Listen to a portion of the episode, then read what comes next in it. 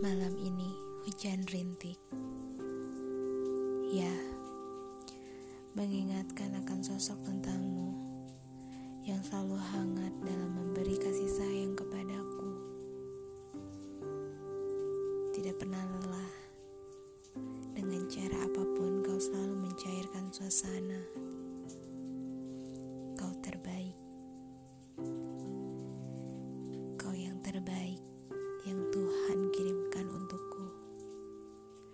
Di saat aku sedang sedih sendiri, tiba-tiba kau datang. Tiba-tiba kau hadir. Entah mengapa, dulu kau sempat hadir.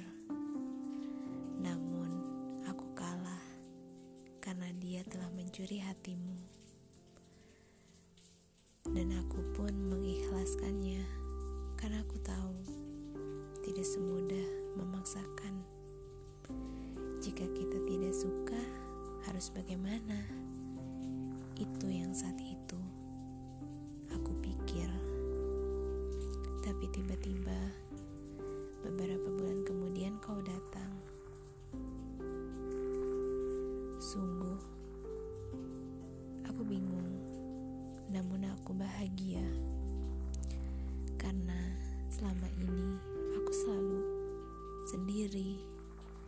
Aku sendiri karena mungkin aku masih merindukanmu.